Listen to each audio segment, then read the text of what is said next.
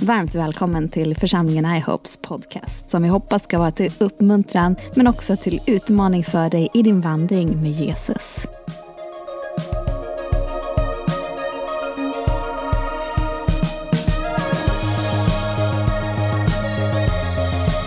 Välkomna hit idag. Förra veckan, så, för ni som var här, så talade jag om uthållighet. Och för er som inte var här så ska jag ge en liten kort sammanfattning. Eh, jag berättade om eh, om eh, ja, jag berättar om, jag ska inte ta hela predikan. Men i alla fall, jag talade om uthållighet, någonting som ligger Bibeln varmt om hjärtat och som Bibeln talar väldigt mycket om. Och det finns en pastor, tror jag han är, i alla fall en kristen ledare i Kina som säger så här att på varje berättelse om ett mirakel så finns det hundra berättelser om uthållighet. Och jag är helt övertygad om att vi behöver en generation kristna som står fasta, uthålliga och lever ett liv i helgelse. Så att det, idag så kommer del två på den här predikan. Och jag ska fortsätta på undervisningen och vi ska ta ett steg djupare.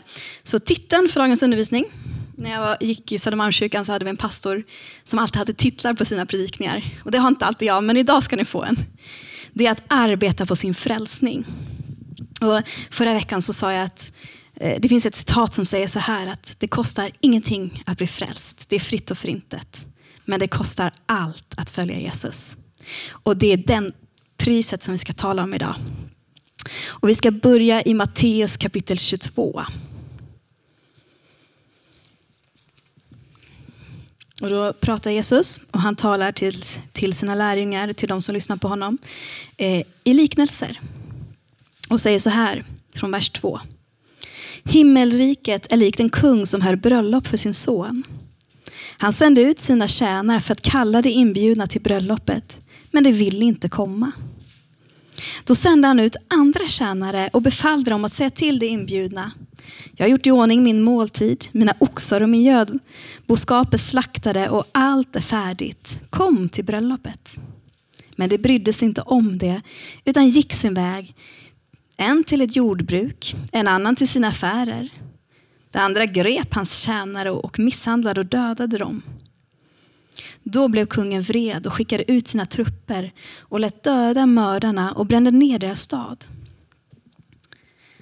Sedan sa han till sina tjänare, allt är klart inför bröllopet, men de inbjudna var inte värdiga. Gå därför till vägskälen och bjud in till bröllopet alla som ni träffar på. Tjänarna gick, gick då ut på vägarna och samlade alla de mötte, både onda och goda, och bröllopssalen fylldes med gäster. När kungen kom in för att se sina gäster lade han märke till en man som inte var klädd i bröllopskläder. Och han sa till honom, min vän, hur har du kommit in utan bröllopskläder? Mannen teg. Då sa kungen till tjänarna, bind honom till händer och fötter och kasta ut honom i mörkret där utanför. Där ska man gråta och skära tänder. Ty många är kallade, men få är utvalda. Och det finns mycket att säga den här, men det jag tänkte på det är den här mannen som kommer utan kläder. Utan kläder, han kommer inte naken, utan bröllopskläder. Och, och vi ska inte vara den mannen som kommer i samma kläder som vi fick, hade när vi blev inbjudna. Utan som Guds barn och som Jesus lärjungar så behöver vi ständigt arbeta på vår frälsning och liksom klä oss i vita kläder. Om vi går till Uppenbarelseboken kapitel 3 så finns det ett brev där till sju församlingar och vi ska läsa en liten bit ur det till församlingen i Ladokeia. Från vers 17 till 19 så jag saxar lite. Du säger, jag är rik, jag har vunnit rikedom och jag behöver ingenting. Och du vet inte att just du är eländig, beklagansvärd, fattig, blind och naken. Jag, det här säger han till en hel församling alltså. Jag råder dig att av mig köpa guld som är renat eld så att du blir rik. Och vita kläder att skyla dig med så att din skamliga nakenhet inte syns. Och salva att smörja dina ögon med så att du kan se. Alla som jag älskar tillrättavisar jag. Alla jag älskar tillrättavisar jag. Var därför ivrig och omvänd dig. Och så tänker vi ju så här när vi hör det här att ja, men Gud tillrättavisar oss hur vi måste arbeta på vår frälsning. Men hur är det då? Frälsningen är ju en gåva. Fritt och förintet. Helt klart. Jag ska läsa ett citat från en av mina favoritförfattare, C.S. Lewis eh, bok Kan man vara kristen? Och den är en bok som jag verkligen kan rekommendera. Och jag ska läsa en millimeter från den boken. Kristna har ofta tvistat om vad som leder dem hem till Gud. Om det är goda gärningar eller om det är tron på Kristus. Jag har egentligen ingen rätt att yttra mig i en sån besvärlig fråga. Men jag tycker att det verkar som att frågan vilken, som att fråga vilken skänkel på saxen som är viktigast. Man kommer aldrig fram till en punkt då man kastar in handduken utan en allvarlig moralisk ansträngning. Och det enda som då kan rädda oss från att förtvivla är att tro och lita på Kristus. Det enda som kan rädda oss från att förtvivla är att tro och lita på Kristus. Och följden av att tro på honom måste oundvikligen bli goda gärningar. Jag tycker det är härligt. När vi tror på honom så leder det till, fräls till helgelse. I alla fall om vi tar till oss av det Bibeln säger. Och helgelseprocessen är en konsekvens av frälsningen. När jag tar emot Gud, när jag tror på honom. Annars så väljer jag bara bitar av det jag vill tro på. Jag tror bara på att han har förlåtit mig och jag kan fortsätta med mina kläder som jag har. Jag behöver inte byta kläder. Så vi ska gå till Filipperbrevet 2.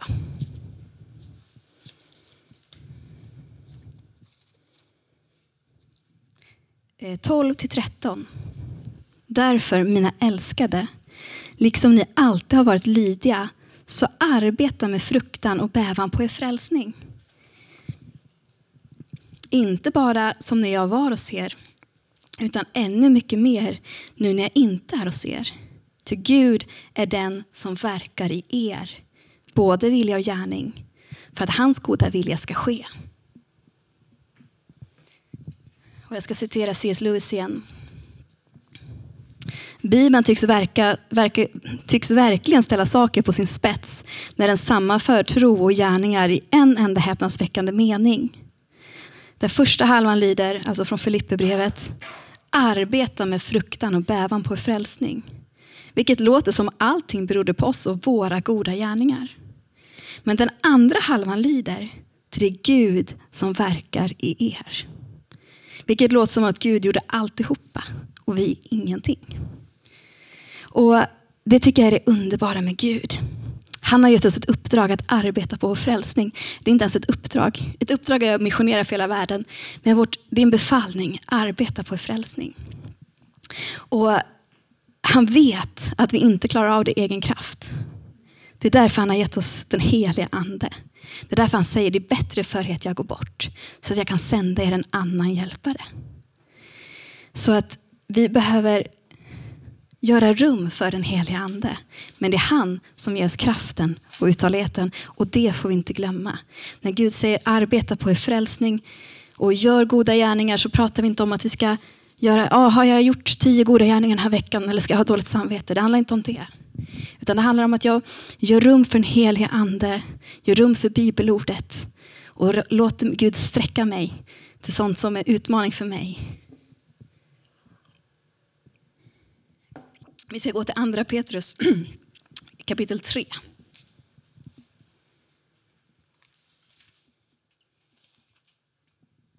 Och läsa den absolut sista versen i den boken, 18. Väx istället till i nåd och kunskap som vår Herre och Frälsare Jesus Kristus. Inte som, utan om vår Herre och Frälsare Jesus Kristus. Hans är äran nu och till evig dag. Amen. Och hur växer vi till i nåd och kunskap om Herren Jesus Kristus? Det finns massa punkter säkert och jag ska nämna tre. Den första punkten, det är att vi kommer, och den kommer vi aldrig komma ifrån. Det är den egna bönen och bibelläsningen. Det är relationen med Gud där du fritt och för intet får umgås med honom. Och då pratar inte jag om att du ska komma till honom med massa bönelistor, tio punkter som du tar upp. Utan du tar tid och lyssnar in hans röst och ber den heliga ande att göra ordet levande när du läser. För vi har fått den heliga ande som gåva. Och då kan vi också be att han uppenbarar ordet för oss så att det blir levande, så det blir verksamt, så att utifrån vårt innersta kan strömmar av levande vatten flyta fram.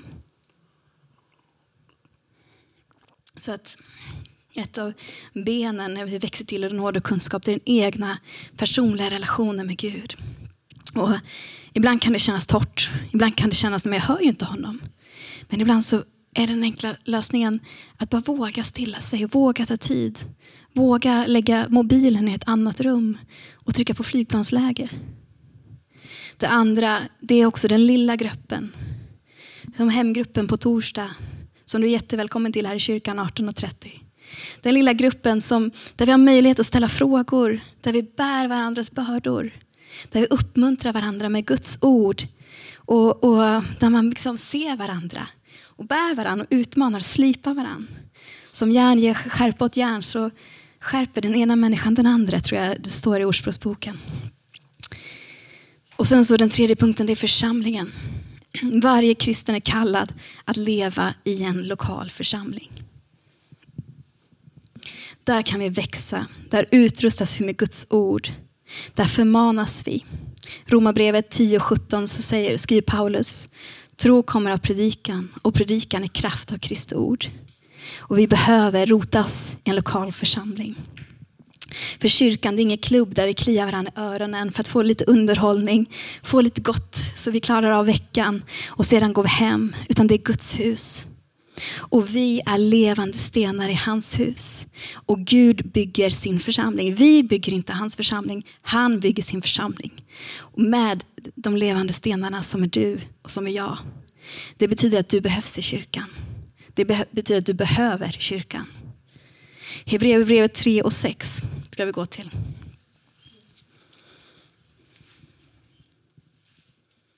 Där står det så här. Men Kristus är betrodd som son att råda över Guds hus. Och hans hus, det är vi. När vi håller fast vid vår frimodighet och vårt hopp som vi berömmer oss av. Det vi berömmer oss av det är Guds nåd. Det är hoppet. Det är att vi har fått ta del av ordet utan att förtjäna det. För ingen av oss har gjort oss förtjänta av det. Då kan vi jobba i all evighet. Ehm, och vi ska gå till första Korinthierbrevet 3, 17, 16 till 17. Vet ni inte att ni är ett Guds tempel och att Guds ande bor i dig? Om någon fördärvar Guds tempel ska Gud fördärva honom. Ty Guds tempel är heligt och det templet är ni.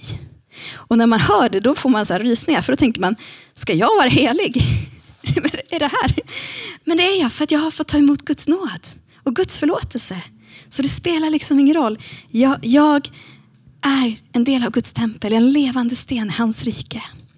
Och det är därför det också får en konsekvens av mitt liv som kallas för helgelseprocessen.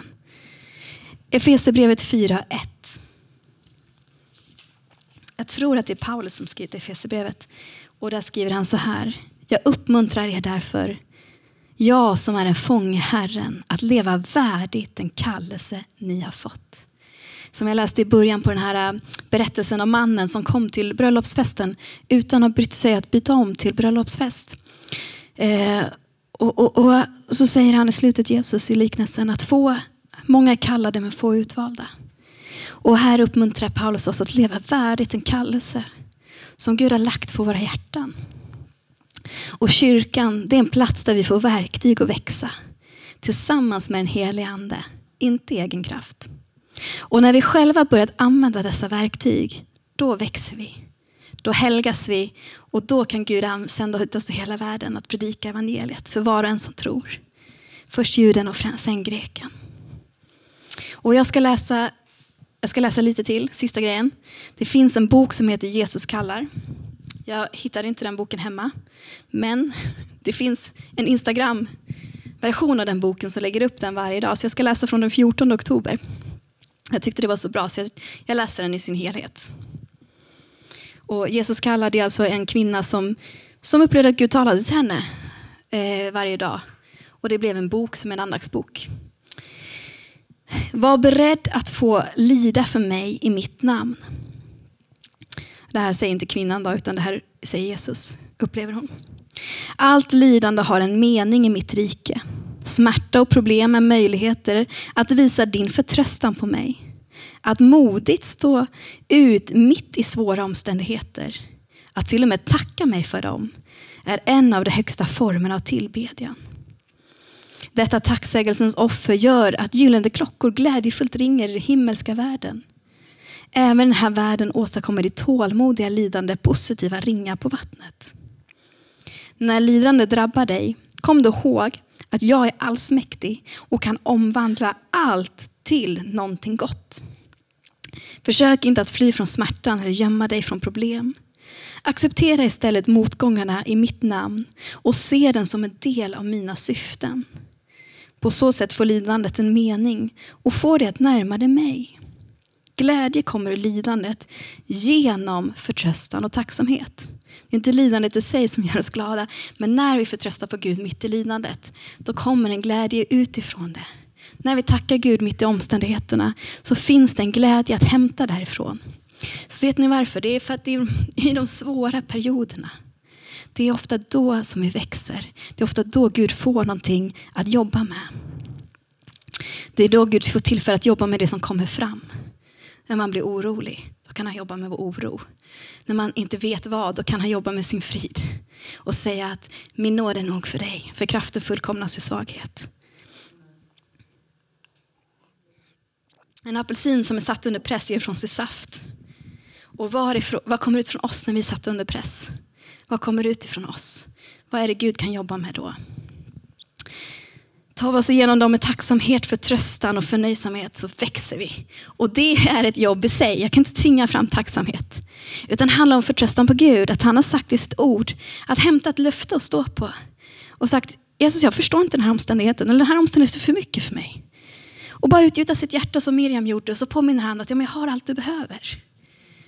Och, och, och, och det, då verk, när vi gör på det sättet, då kan Gud låta oss växa. Och då kan han förvandla det vi går igenom till tacksamhet i våra hjärtan. Och sen tar han situationen och handskas med den. Bibeln talar också mycket om att vi behöver renas som guld och silver. Och det är lite häftigt, för att när guld och silver renas, då måste det sättas under eld. Eller ovanför eld. Det måste, eld måste sättas under den. För att det är först då slaggen kan tas bort. Och, och, Det är samma sak med oss, att vi, när vi sätts ut för hetta eller någonting, då kan Gud börja arbeta bort slaggen i våra liv. Och, och, när vi upptäcker en del, då upptäcker man kanske en del sanningar om sig själv som man inte blir så glad och stolt över. Och, och C.S. Lewis han uttrycker sig så här, det första steget mot att bli ödmjuk, det är inte att man har varit högmodig. Och samma saker med andra saker Gud plockar fram. När man ser i sitt liv så inser man att här har jag någonting jag kan låta Gud jobba på. Och vi behöver arbeta på vår frälsning hela livet. Jag spelar ingen roll om jag har varit frälst hela mitt liv, gått i söndagsskola, gått på kristen skola, gått på bibelskola, eh, fått vittna. Jag måste ändå fortsätta jobba på min frälsning. Och det är samma sak med den här bönestunden vi har med Jesus. Han har alltid någonting mer. Har vi fått höra hans röst på mest fantastiska sätt så kan vi alltid komma in djupare och högre upp. Har vi haft stiltje ett tag, då kan vi med trofasthet gå fram med frimodighet i den personliga bönestunden. Och bara med tacksamhet se fram emot det Jesus har för oss. Och be den helige Ande öppna Guds ord för oss. Och eh, vår smörjelse och vår kallelse måste växa samstämmigt med vår karaktär. Det måste växa tillsammans. Annars blir det snett. och, och eh, i tillväxten, då ska inte vi jämföra oss med andra, utan vi ska jämföra oss med oss själva. Även om vi kan dra från andra och ta hjälp ifrån andra. Och, och, och liksom, ja, men hur, hur kan få det här den har Jesus? Eh, men vi ska inte jämföra oss med andra, utan vi jämför oss med hur var jag för ett år sedan? Hur har jag jobbat? Hur tacklade jag när, förra gången jag stod inför någonting jag inte visste vad jag skulle göra? Hur tacklade jag det då? Hur tacklar jag det idag? Är det någonting Gud har jobbat på mitt liv, det är att ta saker och ting som händer med mycket större frid och tillit på honom. Och det har varit en process. Kommer ihåg när Markus och jag skulle gifta oss. Och allting, alltså det tog sån tid att bara få tag på vilken kyrka vi skulle ha. Det var nej överallt och, och, och upptaget på det datumet du ville. Och, och sen så löste det sig i sista sekund. Samma sak med prästen. Jag vill ha en präst som, som verkligen eh, ja, men hade samma värderingar som jag, som inte skulle kunna tänka sig att viga homosexuella eller någonting sånt där, utan verkligen trodde på, på, på, på det som Guds ord säger. Och sen så fick vi många nej först innan vi fick ett ja. Och jag sa, Gud, måste du använda mitt bröllop för att lära mig att förtrösta på dig? Men det gjorde han. Och det blev ett fantastiskt bröllop till slut. Men, men han fick utmana mig i det. Och hela tiden, till slut, och sen så samma sak med serveringspersonal. Vi, vi, vi fick hjälp. Jag sa till Gud, jag har serverat på så många bröllop, nu får du välsigna oss med serveringspersonal. Och vi fick jättemånga, men det fattades en som vi skulle hitta själva. Och, och, och, det tog sin tid och det liksom, jag tror det löste sig sista veckan. Men till slut löste det sig och Gud bara fick sträcka mig, att, lära mig att förtrösta på honom och inte stressa iväg. Jag kunde lätt stressa iväg där. Och idag så är det samma sak när det händer saker. Han påminner mig om den här tiden och bara kom ihåg att jag är din frid. Förtrösta på mig. Jag har allting under kontroll. Även om det känns som att han dröjer. Och så att så att det vi gör när vi växer, det vi gör när vi helgas i processen, det är att vi jämför oss mot Gud. Vi tar i Bibeln och hämtar, vi drar från andra, men vi jämför oss inte med andra, för det kan bli ställa till problem. Om jag jämför mig med Moder Teresa, men inte alls har hennes kallelse, då kan jag verkligen få leva ett, fri, ett liv där jag verkligen aldrig är nöjd. utan, utan det är Gud som gör jobbet och vi som ger rum för den heliga ande. Och som jag sa lite i början och som jag sa i förra predikan så behöver vår stad, vårt land och vårt, vår värld behöver kristna som uthålligt, orubbligt håller fast vid hoppets bekännelse. Som lutar mot Gud även i stormar. För att kunna vara uthålliga, för att kunna vara orubbliga, bara lita på Gud, då måste vi också arbeta på vår frälsning. För när vi står stadigt på klippan som heter Jesus, när våra rötter är djupt inne i ordet, då spelar det ingen roll vilken storm vi möter. För vi vet att det är Gud som har kontrollen och att han kommer ta oss igenom stormen. Och, och, för han har sagt det. Vi vet det för att han har sagt det i sitt ord. För det är ordet vi har att luta på. För den som älskar Gud samverkar alltid det bästa. Det är ett ord jag älskar för det har burit mig många gånger. För jag vet att jag älskar Gud. Och jag vet att då kommer allting samverkas till det bästa. Även när omständigheterna säger något helt annat. Och när vi helgar oss då kommer våra liv att reflektera Jesus. Och vi kommer börja leva missionsbefallningen. Och lever vi helgat liv då kommer vi också sprida Jesus genom vår livsstil. Att folk kommer se på våra livsstil eh, att vi lutar mot Gud. Jag kommer ihåg, och jag har sagt det här förut, men när jag började gymnasiet så, så mm, hade jag gått en kristen skola så jag var så glad att äntligen få komma till och träffa okristna. Jag hade inga okristna vänner. Så jag berättade ju för alla på en gång att jag var kristen. Och det var inget fel med det, det var bara att ingen brydde sig. Det var jätteointressant för dem. Sen efter ett halvår så kom någon tillbaka, några stycken och bara, men du, det är någonting annorlunda med dig. Du är inte som oss andra. Du svär inte, du, du sa att du var kristen och då var de nyfikna. För de såg att det innebär någonting i mitt liv. Då väcktes intresset. När jag bara sa det i början och de inte visste vad jag gick för, eller på säga, vad Gud gick för, så, så var det inte intressant. Så att när vi lever helgat liv, då sprider vi Jesus. Då får vi vara en vittnesbörd för honom. Och, och, och, och, därför behöver vi leva i helgelse. För att Gud har kallat oss till att leva i helgelse. För att jag älskar honom och han älskar mig. Och då vill jag ge mitt liv, då vill jag sätta på mig vackra kläder inför, inför bröllopsfesten som vi alla är bjudna till. Då klär vi om, då köper vi vita kläder.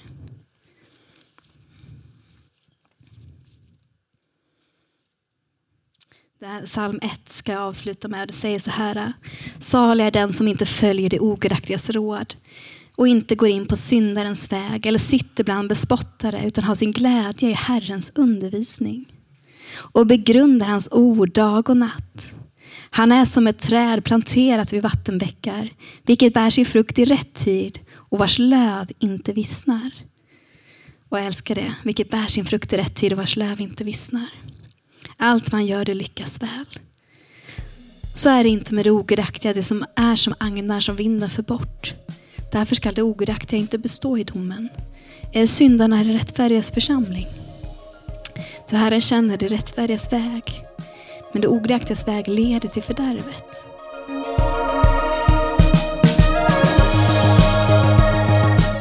Vill du veta mer om församlingen IHOP eller ta del av våra gudstjänsttider så besök vår hemsida www.ihop.pro.